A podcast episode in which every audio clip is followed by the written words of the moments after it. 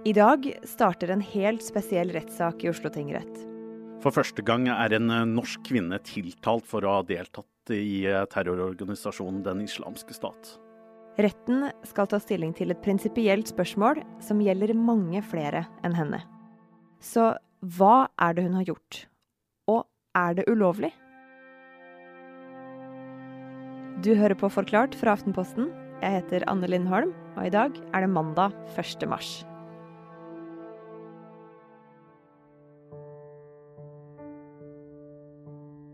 En dag for åtte år sia så pakker en 22 år gammel kvinne med seg det aller nødvendigste. Ingen hjemme i Oslo veit det, men hun skal reise langt. Og hun kommer til å være borte i sju år. Hun skal forlate alt det hun vokste opp med. Vennene, idretten og ikke minst familien sin. Hun er eh, fra Pakistan. Hun kom til Norge i ca. 2000-tallet. Afshin Ismaili er journalist i Aftenposten. Hun hadde en helt vanlig liv. Gikk på idrett, studerte Og helt vanlig liv. Deretter blir hun eh, radikalisert. Vi veit ikke sikkert åssen hun blei radikalisert, men da hun var i starten av 20-åra, så var hun aktiv i bl.a. den militante islamistiske gruppa Profetens Umma. Å og bli kjent med eh, en sentral person i, islam, i Profetens Umma-miljøet, som er Bastian Vasques. Bastian Vasques var en norsk-chilener fra Skien, og han ble en av de første norske som reiste til Syria. De skjønte jo hverandre her, og de var jo så på en måte kjærester her i Norge. Og da, da Bastian dro til Syria, så dro hun etter Bastian for å gifte seg med, med Bastian. For ifølge henne så dro hun ned til Tyrkia bare for å besøke han, ikke for å reise inn i Syria. Men når hun har reist til Tyrkia, så blir det ikke bare et besøk. Da dro de til eh, Tyrkia, og deretter eh, til Hatay-provinsen i Sør-Tyrkia, ved grensen til eh, Syria. Og eh, der ventet Bastian eh, på henne, og dagen etter så krysset de grensen til, til, til Syria. Nå er hun på vei inn i det som skal bli samfunnet som hele verden kommer til å ta avstand fra den islamske staten.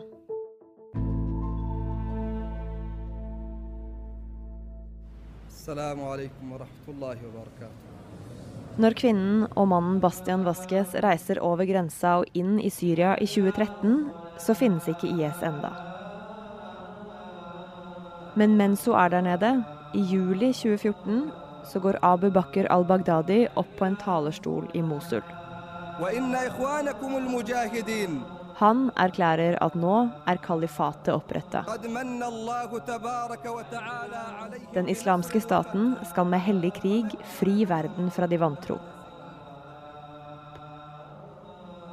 Og deretter de fleste av vestlige, og til og med mange nordmenn, eh, blir sendt til Shadadi-byen, som er en kalles for en eh, Det er en sånn oljeby med luksusleiligheter. Og de fleste av eh, norske og fremmedkrigere har bodd i den eh, byen. Så der hun bodde med, med Bastian Vasques. Det er jo lite dokumenter på hva eksakt hun gjør det i, i Syria. Det eneste vi vet, at ifølge til henne, hun var bare vasket klær, passet på barn og lagde mat. Men Bastian dør i et angrep våren 2015. Høsten etter så gifter hun seg på nytt med en sentral figur i IS. En sharia-dommer som er ganske høyt oppe i systemet. Og drar hun fra Shadadi til Raqqa. Og her, i byen som var kjent som IS-hovedstaden, blir de fram til høsten to år seinere.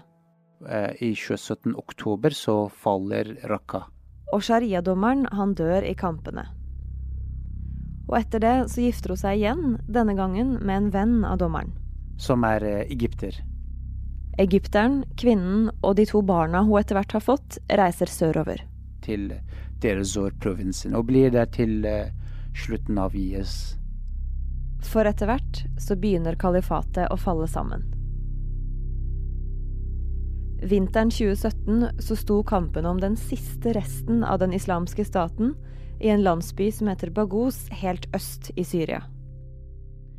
Og ut fra støvet etter bomber og eksplosjoner kom tusenvis av kvinner og barn og ble plassert i flyktningeleiren Al-Hol. Og dit dro Afshin den 6. mars det året. Og da jeg så lastebiler fullt av kvinner og barn som ble sendt i Al-Hol, det var en resepsjonssenter. Så jeg klarte å finne henne i resepsjonssenteret blant eh, ganske flere tusen kvinner. Men uh, det var jo litt kaos i den tiden. Flere barn som Mange barn døde faktisk på veien til, dit til alkoholen. Uh, det var jo lite mat, lite, mange uh, under, undernærte barn, uh, lite drikke. Det var jo ikke så særlig situasjon. så der møtte jeg henne og begynte å ja, intervjue henne i den, uh, i den leiren. Vi kom til sett. Og for første gang får man høre hennes versjon av hva som har skjedd. Jeg føler de burde hjelpe meg, fordi jeg, altså, jeg tok en, et feilt valg og endte opp her. Mm. Og hun bare tok av seg nikaben, selv om hun sa at det er hun er redd pga. de kvinnene som er rundt henne. For det var jo fortsatt ganske mange eh, ekstremister og IS. Så hun sa hun er redd, men hun tok av seg nikaben. Og kunne jo, vi kunne jo se ansikt til ansikt. Så det var jo litt, eh, litt annerledes enn de andre. Du burde ta og uh, gi meg en sjanse til å vise at jeg ikke har samme Altså, jeg kom ikke hit fordi jeg ville komme hit det, jeg ville bare besøke Bastian, og han tok med meg inn hit. Jeg har ikke, har ikke ideologien til IS. Mm. Vil ikke ha den ideologien. Uh, og av den grunn, siden Bastian døde, har jeg prøvd å få, få noen til å hjelpe meg ut. Men jeg fikk bare beskjed om at jeg måtte komme ut selv. Og det var det som gjorde det veldig vanskelig. Uh, fordi det var ikke mulig med tanke på folk som Altså Hvis folk her fra IS hadde fått vite at jeg vil ut, og de da vet at ok, den personen virkelig vil ut, de kutter av huet ditt. rett og slett. Mm. Så du må være veldig forsiktig med hvem du snakker med. Og av den grunn blir det veldig vanskelig for deg å prøve å komme deg ut fordi du er aleine. Og fra Al-Hol-leiren så prøver den norske kvinnen å komme seg hjem med sønnen sin, som hun forteller at er sjuk. Jeg kan eh, bekrefte at norske myndigheter under ledelse av UD akkurat nå gjennomfører en uthenting av et antatt sykt norsk barn, sammen med barnets mor og søster fra Al-Hol-leiren i Syria. Og for ett år siden så ble hun og de to barna frakta over grensa til Irak og flydd til Norge. Saken ble dråpen som fikk Frp til å gå ut av regjering, og kvinna sjøl, ble sikta og arrestert. Hun er tiltalt eh, for å ha deltatt i IS. Harald Stolt-Nielsen er journalist i Aftenposten. For det første så mener de at eh, ved å vaske hjemme, eh, lage mat, passe barna, så har hun lagt til rette for at mennene hennes kunne dra ut i kamp for IS. For det andre så har hun snakket positivt om organisasjonen IS til kvinner hjemme i Norge, som de mener var for å få de til å gifte seg med andre fremmedkrigere. Og på denne måten så mener de at hun har bidratt til å fremme IS og hjelpe organisasjonen. For en del av strategien til IS var å bruke internett aktivt til å rekruttere nye medlemmer fra rundt i verden. De hadde sitt eget propagandabyrå som sendte ut videoer av halshogginger, men også beskrivelser av åssen det var å leve i kalifatet. Som det at man fikk hus tildelt idet man verva seg. Og påtalemyndigheten mener altså at denne kvinnen var med på å snakke positivt om IS til andre utafor.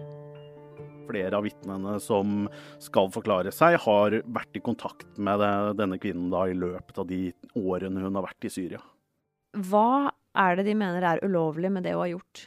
det har alltid vært ulovlig å delta i en terrororganisasjon. Eh, hun er jo da tiltalt for å ha deltatt i IS, eh, noe som i 2013 ble gjort som lov. At det var ulovlig å delta og forsøke å delta i denne type organisasjoner. Det ble også endret slik at det ble ulovlig å reise til IS-kontrollerte områder i Syria, men det vil ikke favne om henne, fordi hun reiste til Syria før den loven kom på plass. Og hvorfor kom alle de lovene? Dette var jo et ledd for å forsøke å hindre nordmenn å reise ned, rett og slett.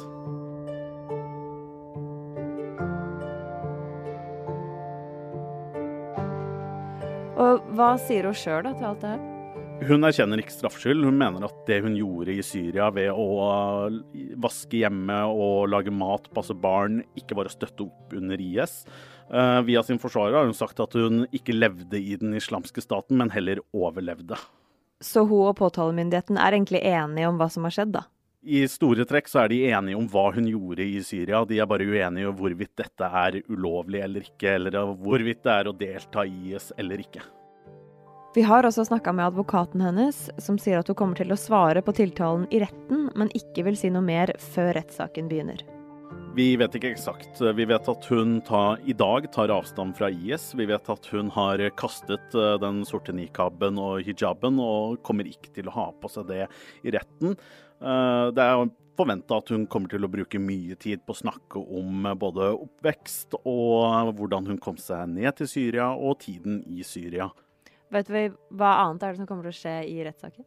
Det kommer til å være flere ekspertvitner både fra PST, fra ulike universiteter. Det kommer til å være familie og venner av eh, denne kvinnen som skal forklare seg om tiden før, under og etter at hun eh, dro til Syria. Det retten skal svare på i løpet av de neste tre ukene, er eh, hvorvidt det å lage mat, vaske hjemme, passe barn er å legge til rette for at eh, menn kan krige for IS.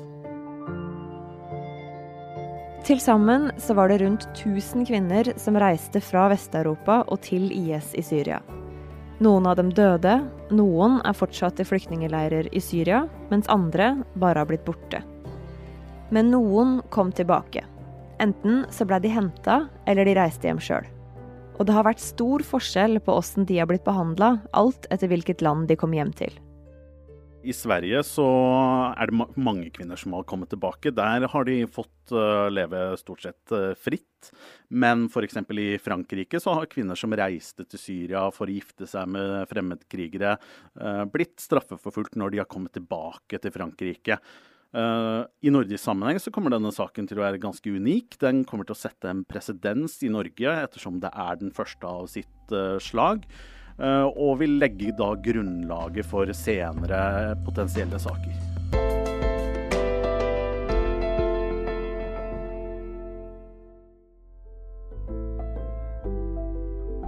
Denne episoden av Forklart er lagd av produsent Fride Næss Nonstad og meg, Anne Lindholm. Resten av Forklart er Caroline Fossland, David Vekoni, Ina Swann og Marit Eriksdatter Gjelland. Du hørte lyd fra VGTV.